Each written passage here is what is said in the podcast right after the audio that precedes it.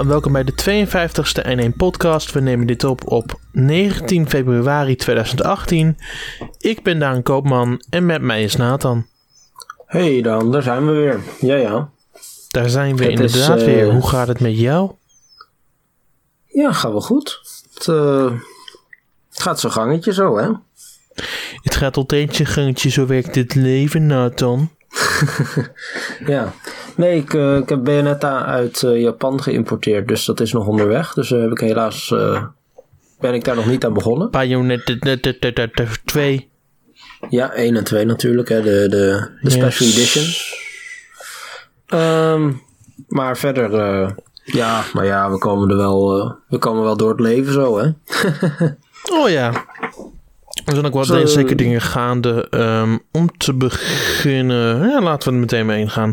Om te beginnen hebben we een verhaal van meneer Kimishima. Hoe hij is niet geïnteresseerd in VR. Hij vindt nog steeds dat er niks interessants op, op de markt is. Eh, Ehm, ja, hij hij is zegt- wel geïnteresseerd in de technologie, maar niet, op dit moment weet hij nog niet zo goed wat ze ermee moeten, zeg maar. Dat was ik net van plan te gaan zeggen, maar je was mij voor. Oh, was- sure. Ja, want ik wou de quote nu bijhalen, maar hey, bedankt dat je het al hebt voorgekoud. Nu doe ik het alsnog. um, the quote was: I understand that VR is interesting as a technology and I'm in- very interested in it. I will use it if I can make interesting things wi- with it. We haven't done anything interesting yet. Ja. Dat was de quote in principe. Ehm, maar ja, die had je al nu eigenlijk al verteld. Dus nou, dat nog een klein beetje mee op. Bedankt nogmaals. Ja. Ehm, maar waar het er eigenlijk om gaat is... ehm, ja, dit is een beetje een update van de situatie... hoe zij denken over VR. En de situatie is eigenlijk heel erg onveranderd gebleven. Ik vind dat er wel een paar interessante applicaties zijn voor VR. Maar ze zijn een beetje verspreid over de verschillende platformen die VR te bieden heeft. Dus je hebt natuurlijk de mobiele versie van, van Samsung. Die gebaseerd is op Oculus. Dan heb je de Oculus Rift zelf. Dan heb je de Vive. Ehm, en alle, allemaal doen ze verschillende dingen en hebben ze een soort van gesloten platform of manier waarop ze dingen aanpakken. Ehm, ja. En ik vind dat s- eh, ook van die platformen heeft een paar interessante applicaties, maar het is niet dat ze allemaal op één plek te vinden zijn. Ehm, waardoor het Ja. ook een heel moeilijke, waardoor het wel heel lastig ligt in mijn, mijn optiek. Want je wilt dat VR het beste uit zichzelf kan halen. En, en daar geloof ik ook in dat het kan. Want opnieuw, er zijn dingen die je op verschillende platformen vindt die best interessant te vinden zijn. Ehm, maar. Het, Nee, het- ik ben het het ermee voelt- eens. Ja, Maar, ik, ik, hè, maar dat is één ding. Maar ook als je kijkt naar wat er precies gebeurt in VR. ehm, eigenlijk ben je, eh, zit je gebonden aan een, aan een first-person perspective. mhm, Of in, of in ieder geval een, een 3D-wereld waarin je vanuit iemands oogpunt kijkt. Of dat nou ook daadwerkelijk personages van jij controlt of niet. Maar hè, laat het even simpel houden. ja. Ehm, dus dat, dat limiteert zich al redelijk. Eh, daarbij moet het ook natuurlijk overkomen natuurlijk. Op het moment dat jij een, VR-headset op hebt en je draait eh, met je hoofd, dan moet de gamewereld eh, natuurlijk op die manier mee draaien. Het moet allemaal kloppen. Ehm, terwijl op het moment dat jij gewoon naar een scherm zit te kijken, mhm, dan kan, kunnen er allemaal coole dingen plaatsvinden. ja. Eh, maar dan hoeven ze niet echt rekening te houden met wat jij precies doet als speler. nee. Ehm, Eh. ik, ik vind dat Oculus op. nee, Of, of was het 5? Nee, 5 was het. Ik vind dat 5 op sommige momenten nog best wel interessante dingen laat zien door ehm, je toe te laten verschillende perspectieven te gebruiken qua camera. Dus als mensen kijken via gewoon een beeldscherm, eh, kun je het beeld aanpassen zodat zij ook iets interessants zien of zij op een bepaalde manier ook mee, nog mee kunnen doen. Ja. Ehm, en het is Ja, het screen asymmetrische, asymmetrische gameplay is ook wel een goed ding voor VR. Kijk maar naar ehm, Keep Talking and Nobody Explodes. Dat vind ik een van de beste manieren waarop dat kan. Ehm, Ja, dus er is zeker een mogelijkheid waarop dit nog steeds mogelijk is. En ik denk nog zeker dat de opties aanwezig zijn om, om er iets goed uit- goeds uit te halen. Ehm, dat gezegd hebbende, Ehm,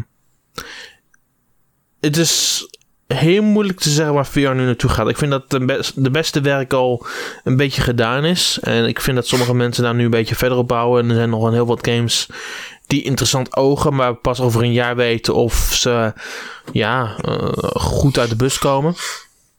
Uh, Nee, het dat development klopt. van VR-titels loopt langzamer dan mensen denken. Want je moet constant rekening houden dat je niet ziek ervan wordt.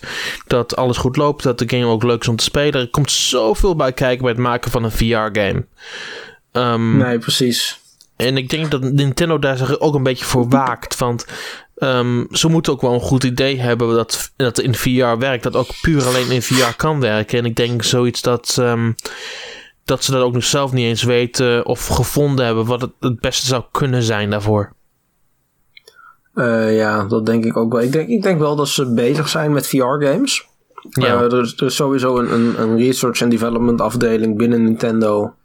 Die gewoon met bestaande hardware, zoals een, een HTC 5 of zo, eh, daarnaar kijkt. je, bedoelt, denk een- ik. je bedoelt een HTC Vive.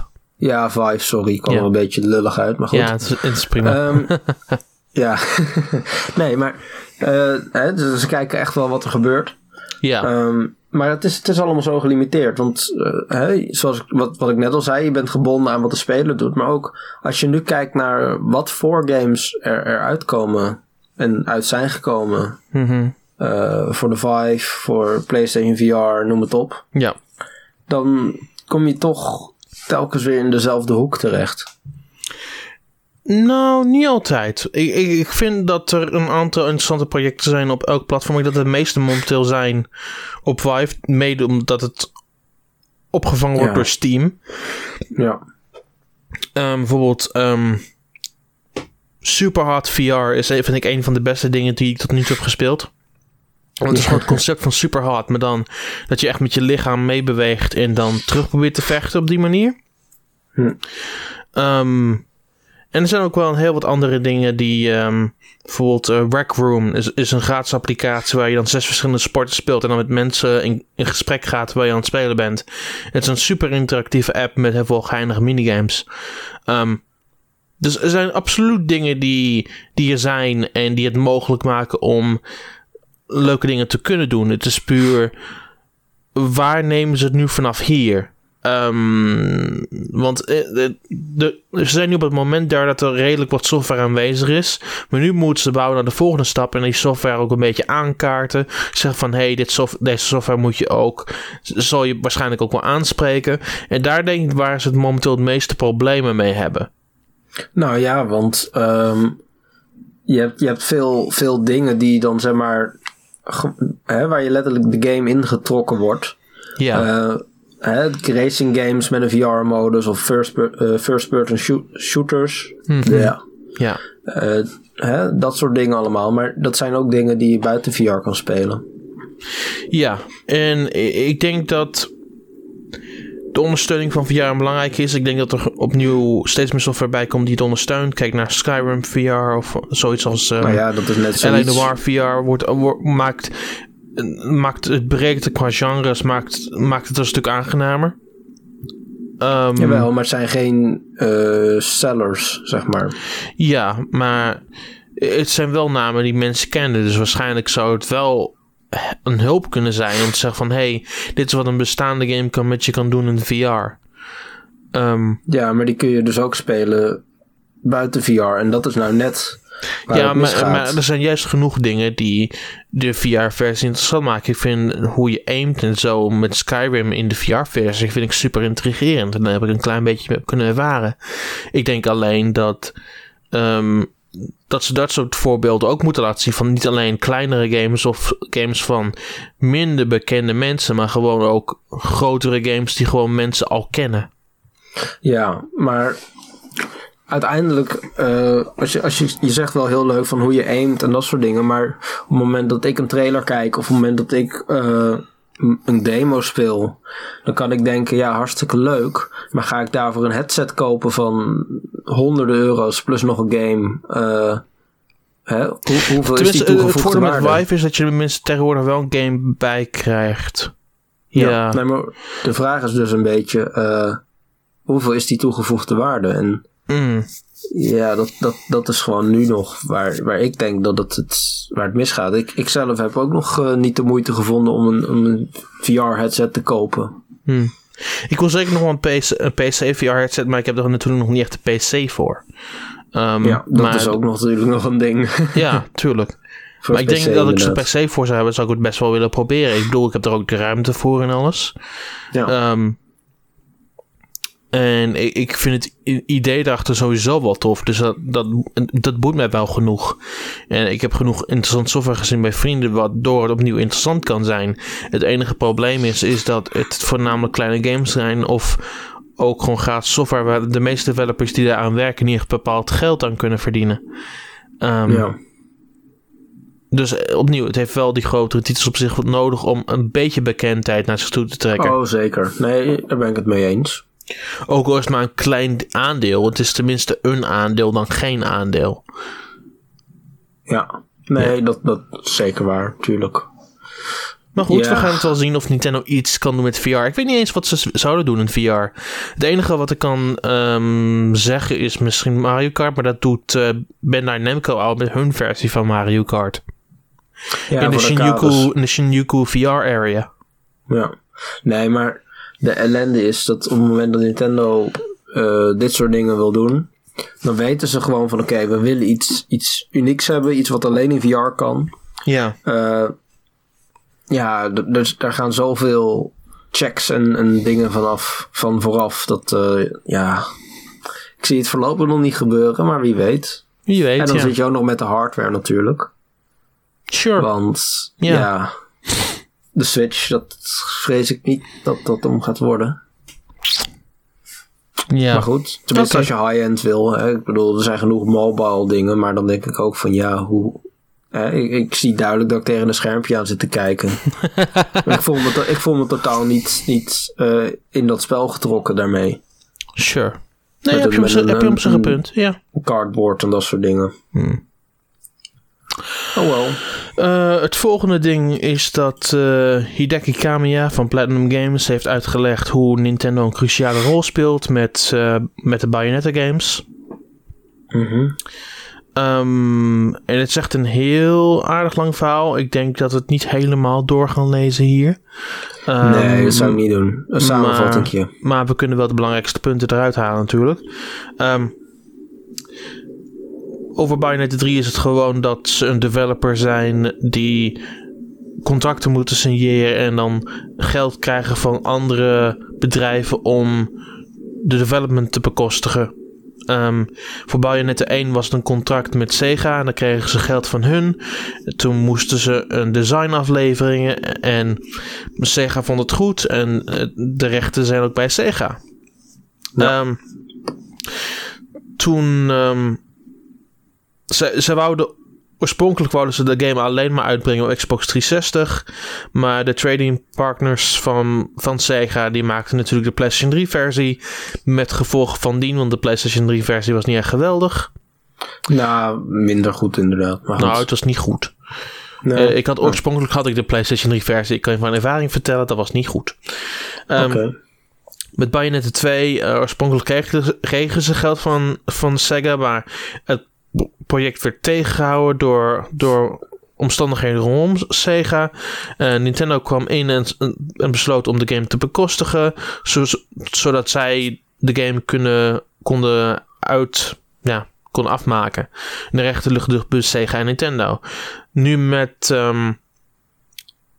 Bayonetta met, de, 3. met Bayonetta 3 is het zo dat ehm, het geld alleen maar puur van Nintendo komt. Dus zonder hun hulp zouden ze dit project ook niet hebben kunnen aan de, aan- begonnen kunnen zijn. De rechten zijn nog steeds bij Sega en Nintendo, omdat Sega er officieel mee begonnen is. Ja, die ehm, hebben een trademark. Ja, maar officieus gezien hoort het bijna voor de volledige 100% van Nintendo. Ja.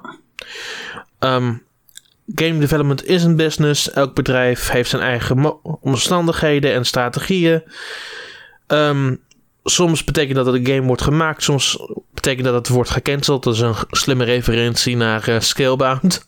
Ja. Ehm, ik geloof dat elk, hij gelooft dat elk persoon dat, eh, dat aanwezig is in het team bezig is om de beste ervaring mogelijk te maken.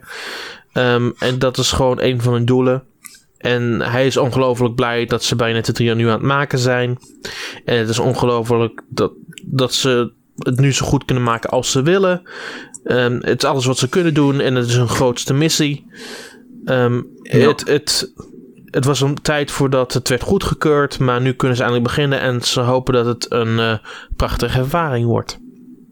Um, het laatste wat, uh, wat ik een klein beetje heb voorgeslagen, maar ik vond het belangrijk om dat aan het eind te melden. Dus Nintendo had ook natuurlijk een, een, een poort van Bayonetta 1 bekostigd. Um, ja. En daarvoor maakten ze een nieuwe voice track. Deze Japanse voice track mochten ze ook uiteindelijk in de PC-versie van Bayonetta 1 gebruiken. Ja, terwijl uh, dat eigenlijk eigendom is van Nintendo. Klopt, ja. Uh, en Nintendo, ja, je weet, je weet, we weten zelf ook wel dat die niet uitgeven op, op third-party hardware. Mm -hmm. uh, maar blijkbaar staan zij toch toe uh, dat ze dit doen. Tja.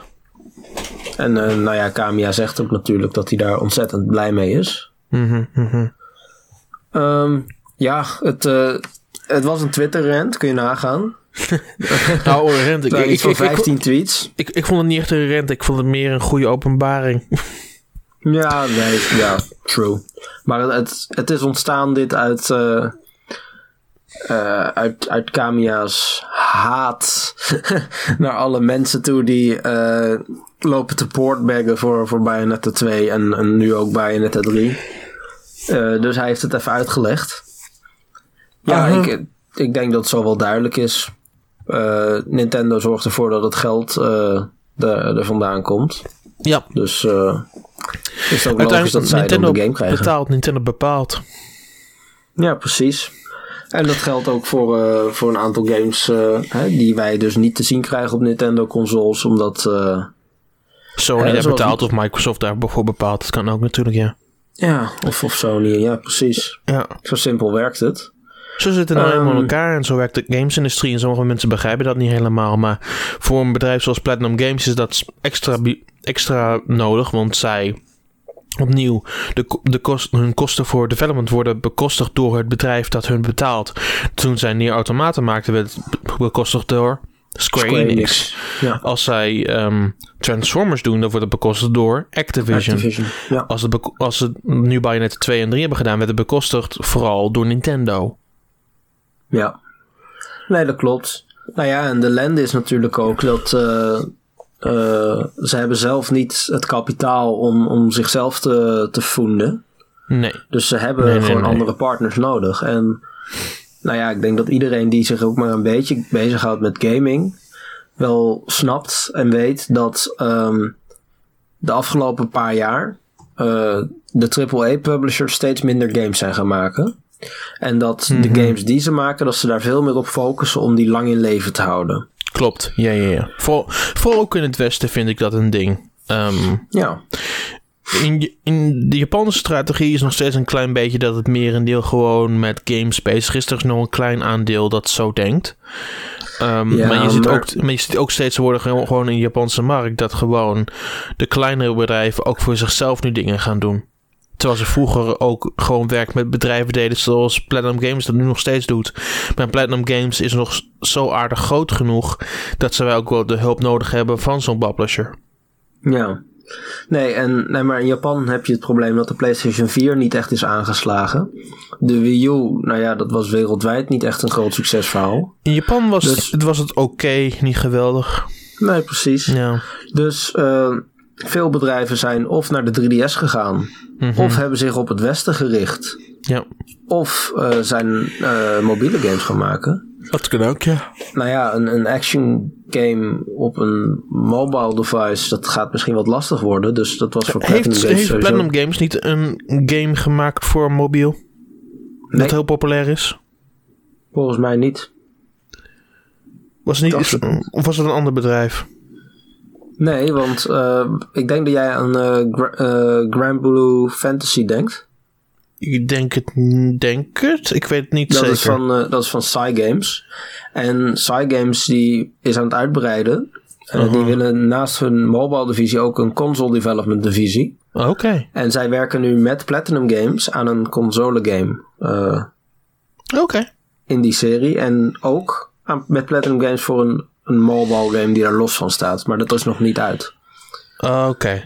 Dus Nee, eh, duidelijk. ja, op dit moment nog niet. Hmm. Maar ehm, wat ik wilde zeggen is, omdat er dus steeds minder games worden, games worden wel duurder om te maken. eh Platinum Games valt dus eigenlijk in een soort gat. eh, waar, waar weinig eh, publishers zin hebben om, om games te voeden van, van andere bedrijven. Ja.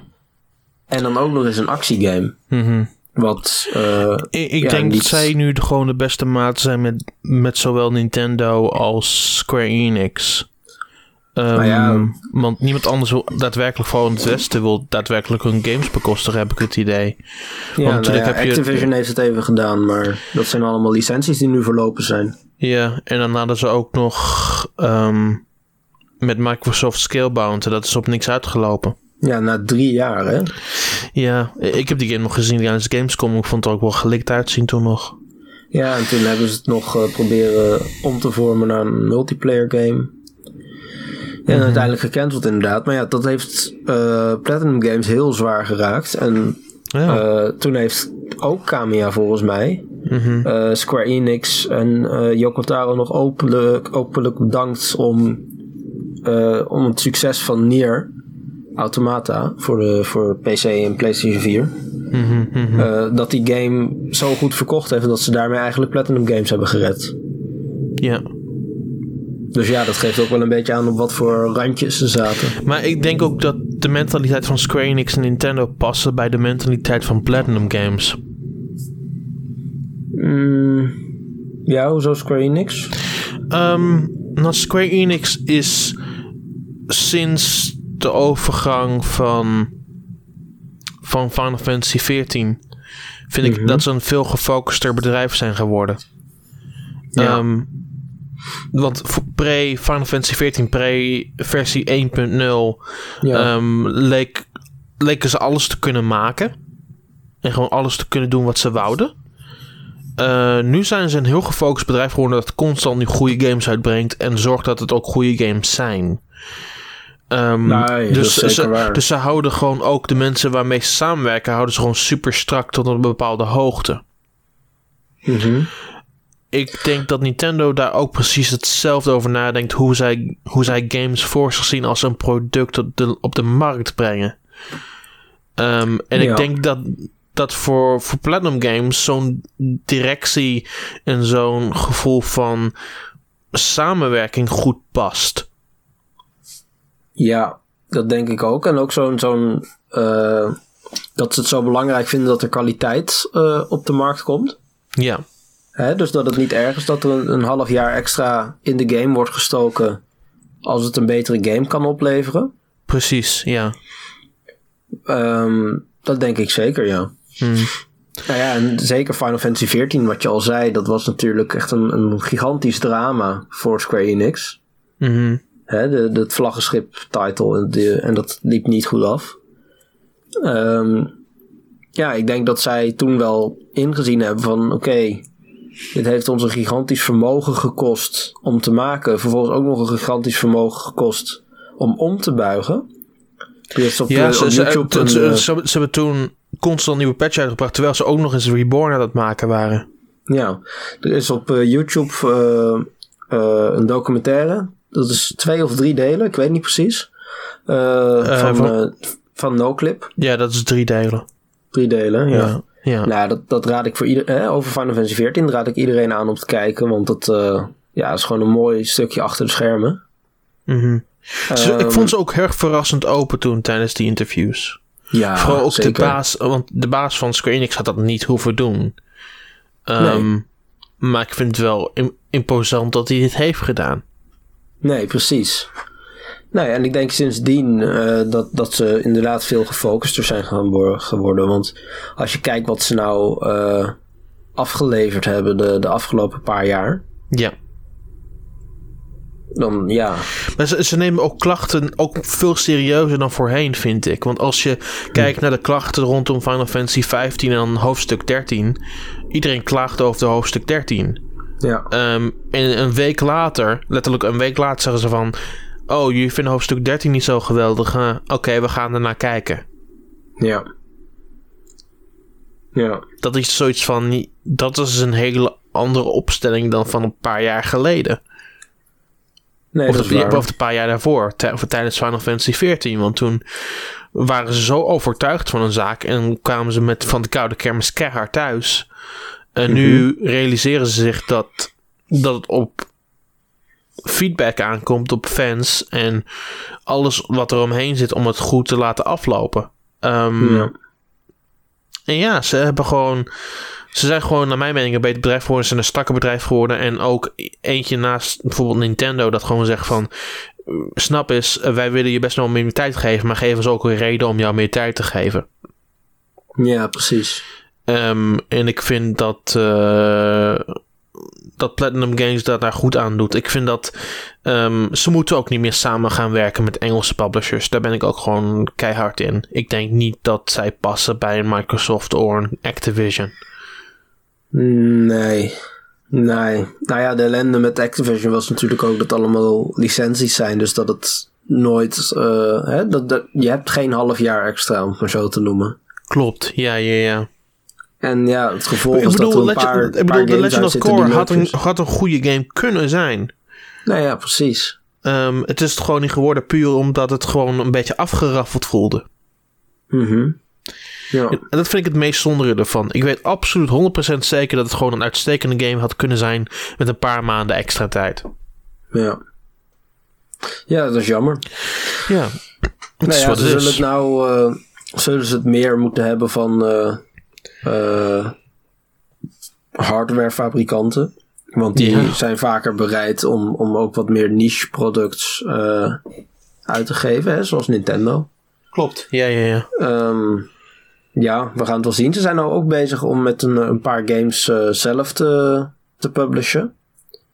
Ze hebben twee projecten nu lopen waar ongeveer 20 man aan werkt per project. Dus dat zijn ja, een soort van net geen indie games. Ja. Over indie Eh, games gesproken, wat vind je trouwens van die... We hebben het er nooit over gehad, omdat het misschien iets te niche was voor deze podcast. Maar wat vond jij van de aankondiging van CyberConnect 3... en dat zij gewoon nieuw, drie nieuwe games aan het maken zijn op zichzelf? Ehm, ja, dat hadden ze al aangekondigd. eh, op een eh, soort ja, industrie-event. Ja, en die Ehm, komen ook allemaal naar de Switch toe. Dat vind ik ook nog veel imposanter. Nou, eh, ook CyberConnect is zo'n, is zo'n bedrijf wat tussen wal en schip valt. En ehm, de, de, ja, ze moesten nou zelf wat gaan doen. Dus dan worden het sowieso kleinere dingen. En Ja. eh, zij zijn denk ik ook wel redelijk geoptimaliseerd geraakt eh, de afgelopen paar jaar. Nou, eh, ze gebruiken voor mij Unreal Engine voor deze projecten. Klopt, ja. Ehm, dus ja, op het moment dat je daar ervaring mee hebt, dan kun je relatief efficiënt eh, harken. Hmm. Ehm, makkelijk multiplatform gaan, eh et cetera. Ja, Dus ja. En als je kijkt naar wat zij afgelopen paar jaar hebben geprobeerd te doen. eh, ze hadden Project Venom op een gegeven moment aangekondigd. oh Ehm, ja, wat is... Ja, dat, is, dat is uiteindelijk gecanceld. aha. Dat was een, een soort MOBA. Mhm. Dus ja, dat, dat was. Ja, dat is denk ik in, in de huidige markt is dat kansloos. Ehm, hè, maar dus ik denk dat zij ook wel eh, een beetje dezelfde positie hebben als, als, als Platinum. Eh, Mhm. Ja, weinig publishers, eh, weinig geld, maar we zullen toch wat moeten. Ja, En ja, dat Naruto Shippuden, dat is denk ik wel een beetje afgelopen zo. Nou, Naru- Naruto is ook in zijn geheel gewoon afgelopen. Dus eh, Ja. Nee, maar ook qua games en zo, daar kun je vrij weinig meer mee. Dus misschien dat ze nog wat met Bandai Namco gaan blijven doen. Maar eh, of iets met Naruto. ja, met Boruto inderdaad, ja. Nee, maar ik denk dat ze met deze dingen gewoon proberen zelf een, een, een aantal... Een, hè, gewoon een soort portfolio op te richten. Ja, Kijken wat aanslaat en, Mhm. en daarmee verder te gaan. Want ze hebben wel 200 mensen om te onderhouden. Zonder meer, ja. Dat is een gigantische burn rate. Mhm. Eh, en ze willen nog groeien. Dat is nog het, het, het meest enge hieraan eigenlijk. Wat, ze waren wat, die, wat, kijken. waren, wat waren die titels van CyberConnect ook alweer? Ik ga even kijken. CyberConnect. Eh, je hebt eh, Fugue of is het Fugue? Eh, F-U-G-U-E? Fugue of Fugi of zo? F- Fugue on the. Battlefield. Fuga.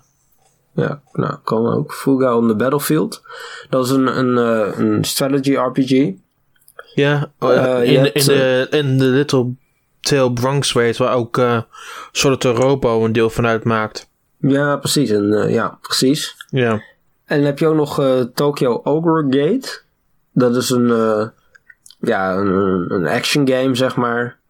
Eh, Een beetje Bayonetta-achtig, denk ik dan. Ja, ja, ja. Eh, en dat speelt zich af eh, na de Eerste Wereldoorlog. Dus het is een beetje steampunk. Aha. En dan... eh, het, het is volgens mij wel 2D alleen. Hm. Dat dacht ik. Het is voor mij 2D action game. Dus dan wordt het meer een soort Senran Kagura-achtig qua, qua...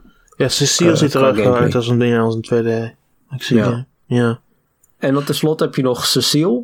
En dat is een 2,5D. Dus wel een soort sidescrolling, maar 3D. Ja. Eh, ook een, een, een, een stylish action game, zoals ze het noemen. Ehm, en dat heeft meer een soort eh, gothic en, en witch-achtige setting.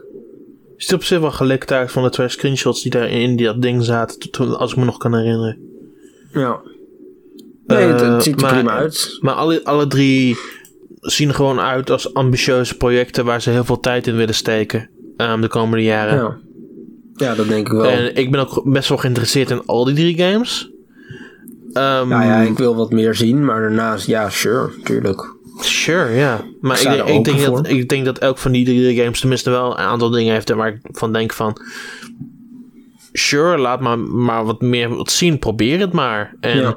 zien wel waar het schip. Hopelijk doet het ook wel goed voor hun. Maar uiteindelijk vind ik het... eh, vind ik wat ze hier laten zien niet mis. Nee, zeker niet. Nee, maar ik, ik denk, ik zie nou eh, echt wel veel eh, overeenkomsten tussen CyberConnect 2 en, en Platinum Games. Namelijk, eh CyberConnect 2 heeft heel duidelijk gezegd van oké, we hebben deze drie games die we zelf uitgeven. Dat zijn kleinere games. Ehm, dus een lagere pr- eh, prijs, eh, alleen maar di- eh, digital distribution, multiplatform, et cetera. Ja. En op die manier proberen een portfolio op te, creë- op te creëren. En tegelijkertijd laten we andere mensen werken aan gewoon wat grootschalige projecten voor uitgevers, hè, zoals ze al gedaan hebben. Mhm. Eh, en op die manier proberen ze alles rond te breien. Ja, maar zijn bedrijven doen het allemaal op een, op een eigen manier. Daar komt het eigenlijk op neer. Nou ja, dit, dit soort bedrijven zullen ook wel moeten. Oh ja. Het is, het is eigenlijk te- eh, een andere tactiek is wat, wat Ninja Theory gedaan heeft eh, met Hellblade. Hellblade is ook een fantastische achievement hoor. Wat een mooie game. Ja, zeker. Nee, maar dat, dat is ook uit nood geboren. Ja, en eh, een, een voice actor was gewoon een van de video editors en die won gewoon een prijs voor voice acting. Ja, mooi hè? Dat vind ik gewoon, dat vond ik echt geweldig toen. Ja, briljant. Verdikke me. Ja. Nee, maar dat, dat, soort, dat soort bedrijven, die, die, ja, ik denk dat je steeds meer eh, dit soort dingen zult, zult zien doen. Ja, Hè, waar, waar is eh, Armature Studios bijvoorbeeld mee bezig? Hè, de makers van eh Licor en ook van een aantal geen idee. en, en collecties en zo. Hè, o- eh, dat zijn, zijn ja, dat soort studio's die denk ik nu wel eh soort van semi in de problemen kunnen raken. Huh. Misschien makkelijke overnameprooien zijn of zo. Ja. Insomniac is te groot. Die, die gaan het wel overleven, die hebben een reputatie. Eh, en ook die zullen waarschijnlijk op een gegeven moment wel zelf gaan kijken van... hey, kunnen we misschien zelf wat uitgeven? Maar Ja, eh, dat is een goede mogelijkheid toe ook. ja. Maar ik denk wel dat, het, ja, dat, dat we steeds meer soort van eh, double A producten krijgen van, van, dit soort, van dit soort bedrijven. Hm. Goed, eh, volgende verhaal is de Mega Man Legacy Collection 1 en 2. Die zijn nu aangekondigd voor Nintendo Switch. Die komen op 22 mei. Uh, Ja. Je kunt ze digitaal downloaden. Ehm, de eerste is dan 1999. De tweede is 1499, want er zitten natuurlijk ook minder games in. Ehm, Mhm. je kunt ze ook samen krijgen in een doosje voor 35,99 alleen in Amerika. Dus dat is 34,99 dollar. Dan krijg je bij de games, nou één game op een cartridge, dan moet je downloaden. Le- lekker. En, en je krijgt een, eh, een cleaning cloth erbij. Ja. Oké, Dus ja, dankjewel Capcom. bedankt Capcom. Zitten we echt op te wachten. ja, en daar was ik zo benieuwd naar. Een cleaning cloth. Ja, precies. Nee, maar is het, ehm, is het ehm, alleen in Amerika digitaal? nee. Is het alleen in Amerika physical? Ja, we weten nog niet over Japan, maar Europa sowieso niet. Ja. Nou ja, ik vind het een beetje halfbakken optie. Hè? Eén, één ding op cartridge en de ander downloaden. Precies, ja. Ja. Maar dat Ja. gezegd hebben, het is leuk om al die games gewoon samen eh, weer te hebben op je Switch. Ehm, vooral de eerste collectie heeft dat alleen maar goede games. Dat zijn al die NES games natuurlijk. Ehm, laten we niet praten over Mega Man 8. Ja. Maar eh 7, 9 en 10 ook mooie games. Ehm, vooral om alles voor, vooral bij elkaar te hebben. Ehm, ja, het is gewoon mooi. Ik ben er hartstikke blij mee. Ik ben ook een aardig groot Mega Man fan. Ik vind al die games fantastisch. Ik ben gegroeid naar ook die andere versies. Dus ik kijk ook vooruit naar de Mega Man X collectie. Wat heb je? Ja, En Mega. Man, en Mega Man 11 en zo. Ehm, maar het is gewoon fijn dat, dat, dat gewoon al die originele games gewoon op twee plekken samenkomen. Gewoon op je Switch op twee icons en dan heb je ze allemaal. Ja. Bijvoorbeeld alle artwork en, en de muziek die je kan spelen. En de games kun je nog, nog in zijn geheel doorlopen. Je hebt de uitdagingen die je kunt unlocken met de Amiibo van de 3DS-versie. Die zijn voor de eerste Mhm. keer beschikbaar op een ander platform. Ehm, Ja. Dat, dat zijn dus de Nintendo Switch. Dus je hebt eigenlijk gewoon het beste van beide werelden. Je hebt de kracht van, van de HD-versie die eerder zijn verschenen, plus de mogelijkheden van de Nintendo 3DS-versie. Ehm, Ja. Dus je hebt gewoon, gewoon het allerbeste dat er eigenlijk te bieden valt. Ehm, ja, het, het is gewoon zoiets van. Ja, ik, ik, ik ben gewoon blij dat het komt. Ehm, ik vind mei vind ik nog steeds een beetje laat. Ze hebben wel een drukke mei op zich met dit nu op Switch samen met de Street Fighter collectie. Is dat... eh, oh ja, dat is ook mij natuurlijk. Ja. Ja, ze hebben een drukke mei. Nou ja, eh Capcom is altijd druk met remasteren van van alles. Dus, Ja, maar ze, mo- Ja. ze moesten op een gegeven moment moeten ze ook wel, want uh, later 2018 komt Mega Man 11 ook uit. Ehm, ja, nee, dat klopt. Het, het is wel begrijpelijk. Nee, Sure. maar als je kijkt wat, wat Capcom allemaal gebracht heeft eh, de afgelopen paar jaar... aha. dan is het nieuwe Monster Hunter games, nieuwe Ace Attorney games. eh, en vooral een heleboel, eh, ja, toch wel remakes, remasters, dat soort ongein. Hm. Ja, dat Ja, is ook ik, ik, ik, ik vond, het van vooral, ik, vond het vooral leuk, ik vond het vooral leuk om gewoon die uitdagingen te lopen in de originele twee games. Ehm, want die oor- nou, oorspronkelijk gewoon nieuwe dingen toe. Of die remix alle bazen en zo. Dus daar kijk ik nu weer het meeste uit om nog een keer te gaan doorlopen op mijn Switch. Ik hoef per se die 10 games niet opnieuw. Maar hey, ik speel ze gewoon waardoor voor de leukigheid.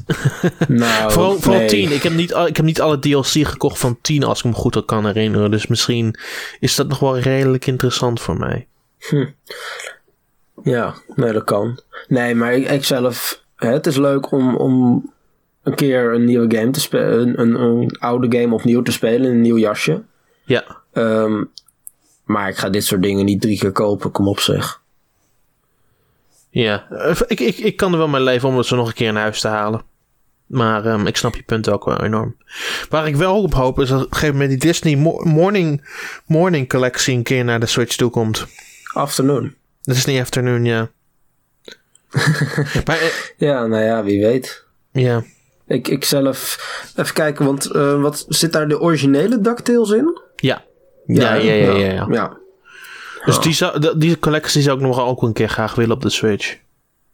Ja, lijkt me wel vet. Of, ze- of ze dat gaan doen, dat is natuurlijk een tweede, maar... Jawel, dat denk ik wel. Als ze zien dat dat geld oplevert. Dan, eh, Ja, maar als je, als je zo denkt, dan levert alles voor hun geld op. de vraag is alleen wanneer. Dus Ja, Ja, dat is het grote punt, hè? ja. Nee, eh, ja, we gaan het wel zien. Eh, Capcom, ik vind er niet zo heel veel interessants aan op dit moment. Mhm. Behalve Monster Hunter World natuurlijk, maar ja, dat brengen ze niet naar de Switch. Dat Ik heb nu jammer. ook de arcade versie gekocht van eh, Street Fighter 5. Ja, de, de, ja, precies. Ik, had- ik had het origineel Street Fighter 5 al, maar hier is waarom ik het heb gedaan, hè? Ehm, hij was 36 euro in de Mediamarkt. Eh de DLC totaal is 25 euro. Ja, Ehm, voor 11 euro hoef ik het niet te downloaden. Heb ik het ook meteen samen op één CD en in een doosje. ja en je kan eh, je originele disc kun je nog inruilen bij eh, een Game Mania of iets dergelijks. Precies, ja. Eh, dus het- uiteindelijk betaal je er vrij weinig extra voor. Of misschien heb je zelfs nog iets aan korting. Ja, ik heb, nog, ik heb ge- gewoon gebruik gemaakt van die actie dat ik gewoon drie games koop en eentje gratis mag meenemen. Op, eh, gisteren nog, ik was toevallig in Utrecht bij, Oh, ja. een, eh, bij een mediamarkt. Dus dan heb ik gewoon... Welke games heb ik ook alweer meegenomen? Ja, dat weet ik niet. Dat, Dit is heel, interessant, is heel interessante radio, maar toch, ik pak ze er toch even bij.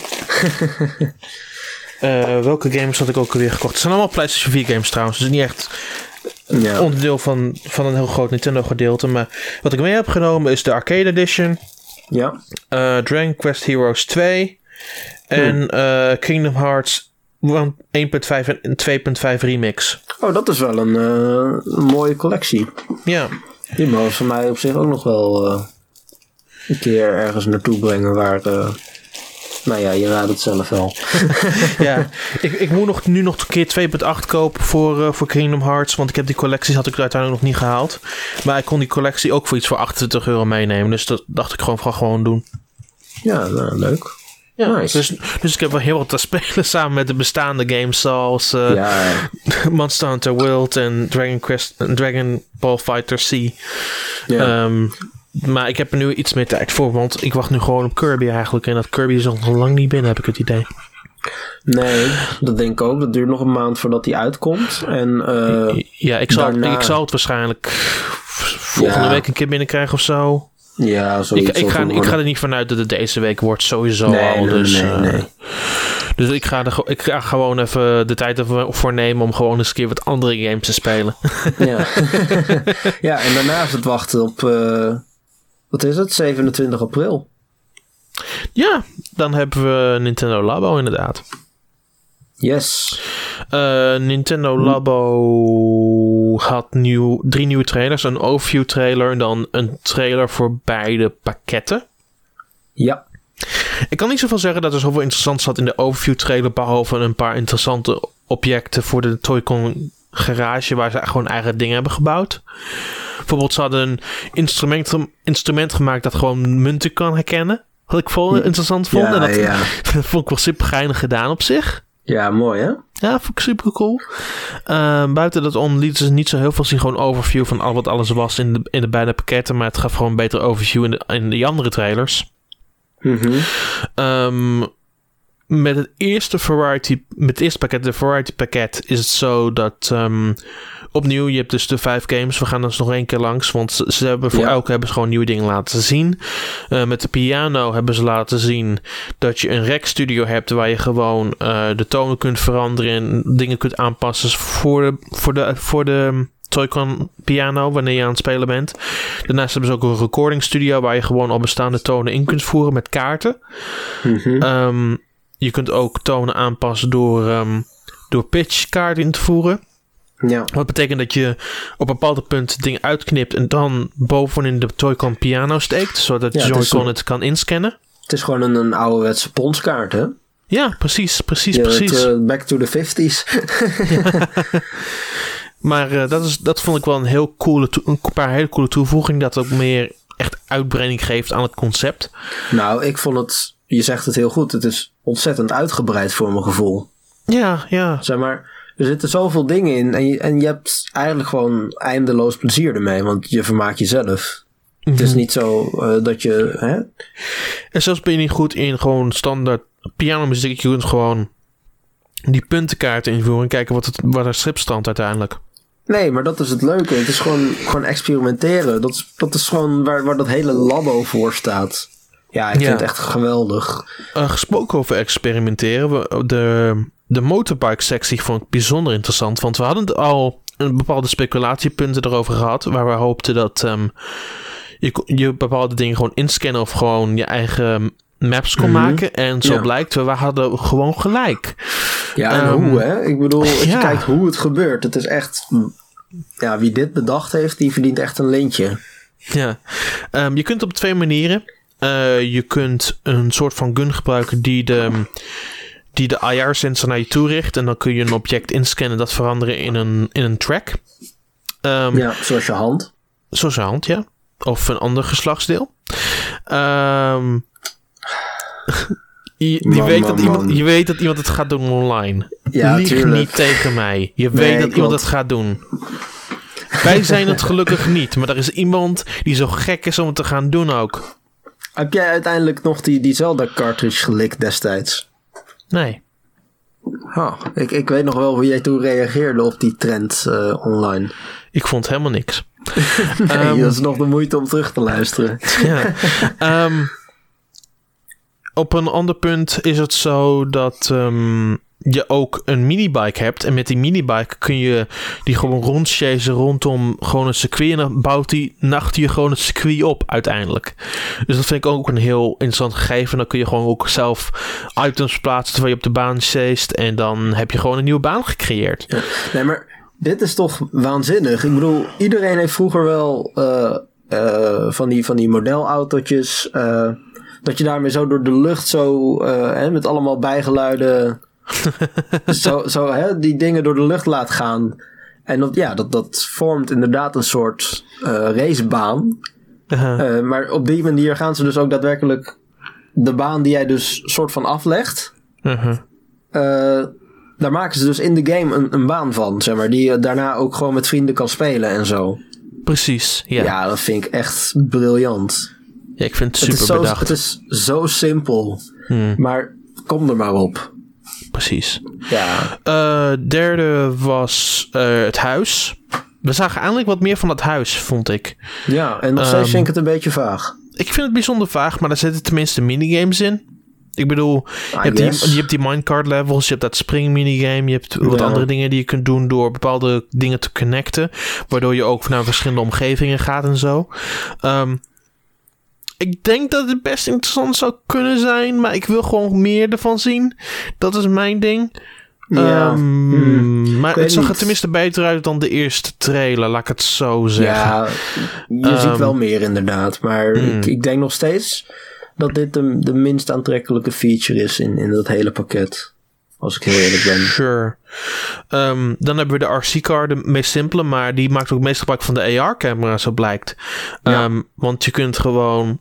Hij scant gewoon objecten voor zich en dan probeert hij die te ontwijken zodat hij verder kan komen. Ehm, hij heeft gewoon een nachtsensor, dus als je een doos eroverheen gooit en gewoon bepaalde punten neerzet, dan rijdt hij daar alsnog door omheen of, of naast. Ehm, dus opnieuw, dat is schijnig. Eh, wat was de laatste het Variety pakket? Dat was De hengel. De hengel.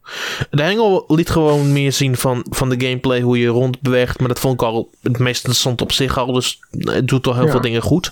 Eh, het enige wat ze nu hebben laten zien is dat je echt diep naar de oceaan gaat. En dat je ook je eigen vissen kan creëren die dan ook in het spel belanden. Ja, en dat je op die manier een soort aquarium vult. Ja, je vult gewoon, vult gewoon een aquarium zoals ook een beetje in eh, dat Street Pass phishing spel. Ja, ja, precies. Maar dit voelt nog breder en raar in dat op spe- specifieke opzicht. Ehm, Wat zal de Partij van de Dieren hierover denken dan? ik heb geen idee. Want er zaten best wel grote vissen in die video. Mm-mm. Dus ik weet niet hoe groot die Ja. kom is eh, die ze gaan gebruiken. Maar dat mag wel een flinke bak water worden. Eh, de, de verschillende objecten die ehm, gebruikt in de Variety pakket heb ik ook het idee van dat je daar heel veel dingen mee kunt kunt doen in Toy-Con Garage. Daar hebben ze ook meer voorbeelden van laten zien. Dat je bijvoorbeeld met, eh, met een bezem gewoon eigenlijk een gitaar kan maken met een andere Joy-Con. Ja. Ehm, dat soort kleine dingen lijken me best wel interessant om te gaan proberen. Mhm. Ehm, dan hebben we het tweede pakket, het robotpakket. Daar Ja. hebben we nu ook meer van gezien. Ehm, ten eerste is er nu is gewoon een uitgebreide challenge mode die je op verschillende manieren uitdaagt. Dan heb je de standaard levels in, het, in, de, in de stad. Ehm, als je twee robotpakken hebt, wat ik me niet per definitie direct kan voorstellen, maar wellicht, eh, dan kun je gewoon robot tegen robot vechten in een versus mode. En de laatste was echt bizar, want daar kon je gewoon de switch in het robotpak stoppen. En dan liep je rond en dan maakte het allemaal geluiden en leek het net of je echt een soort van Godzilla-achtig monster, achter een Godzilla-achtig monster rond rondlopen was. Ja, ja, ja, ja. Ehm, dat zag er echt bizar uit. En ik wil het ook best wel eigenlijk proberen ook nog. Eh, want het, ik, ik, ik moest er wel keihard om lachen. Dat zal ik dan ook meteen weer toegeven. Ja, het is wel grappig, maar ehm, nog steeds blijft mijn zorg bestaan, namelijk dat touw. Ja. Dat blijft een ding. Ik, ik zie dat ze qua content hebben ze ontzettend veel. Want je had ook van die minigames en dingen. Aha, aha. Ehm, hè, dat, dat het ziet er allemaal strak uit. En het zal ook zeker wel even duren voordat je al die handel in elkaar gezet hebt.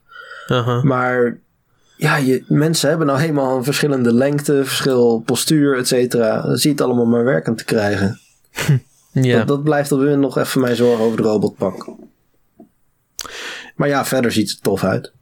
Absoluut. Cool. En ik denk dat het ook meteen wel is dan. Ja, ik denk het ook. Het is wel mooi geweest. Precies. Ook al zijn we niet zo heel lang bezig nog. Maar eh, Ja, het zijn gewoon twee korte afleveringen achter elkaar. Dan heb je als er minder nieuws is. Of minder groot nieuws eigenlijk. ja, Ehm, ja, ja, je kunt ons... is het komende week wat beter. Ja, hopelijk ook. Ehm, je kunt ons blijven volgen op N1 en 1nintendo.nl. Dan vind je het laatste nieuws, dan vind je recensies, dan vind je nog meer. Dan vind je mijn Bayonetta 1 en 2 recensie. Ja, Ehm, en daar vind je binnenkort ook een recensie voor... Voor heel veel. Monster Energy Supercross, de official videogame.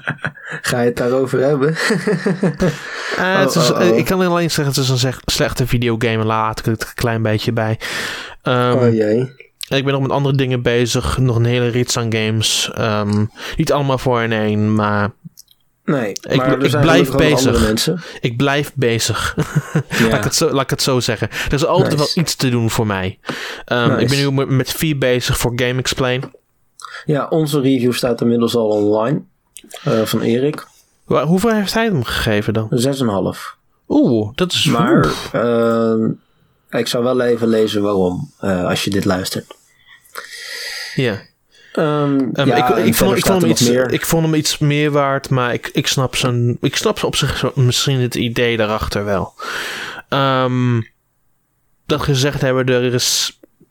Dat gezegd hebben, er zijn nog wel andere dingen die eraan komen. Ik ben nog bezig met Age of Defenders, wat een beetje aan de late kant is, maar ik ben er ook maar laat mee begonnen, dus dat is ook een ding. Ja. Ehm, er komen ook elke week game, nieuwe games uit, dus het blijft steeds drukker en voller worden in mijn optiek ook. Dus eh, ja. het is altijd haast, haast, haast, hup, hup, hup, door, door, door naar de volgende. Dus het is niet altijd heel erg handig, maar hey, het, het werkt. Ja. Nee, binnenkort komt er nog veel meer aan. Even kijken, tegen de tijd dat, eh, dat jullie dit luisteren. Oh, dat is al best wel snel. Ehm, waarschijnlijk zullen rond die tijd eh, een review van Typo Man, een review van de Pokken Tournament DLC, Mhm. eh, Disc Jam, daar komt nog een review van. Er staat nog genoeg op de planning. ja. En we zijn ook nog redactieleden aan het zoeken. Dus Precies, eh, ja. als je daar interesse in hebt, eh, kijk vooral even op de website op het artikeltje. En eh, meld je vooral ook aan. We, we hebben gewoon een proefperiode. We, we, zijn, we vreten je niet op. Dus, Eigenlijk doen we dat wel, maar ja, dat maar, zeggen we er nog nou, niet bij. Dat, dat, dat doen we alleen off the record, hè? Ja, doen we alleen off the record. Ja, precies. nee. ehm, en ja, dus als je daar interesse in hebt, zeker even kijken. En ja, dan denk ik dat het wel is. Oké, mooi. Dan willen jullie allemaal bedanken voor het luisteren. Dan zien we jullie volgende week wel weer. Of horen jullie volgende week wel weer. En dan doen we een heel stuk meer. Mo-. Hopelijk. Ik- ik- Hopelijk. ander- anders bespreken we gewoon een hoop games. Ik heb wel een hoop games gespeeld de afgelopen tijd. Ja, er komt genoeg uit. Komt genoeg uit. Anyway, tot ziens allemaal. Doei!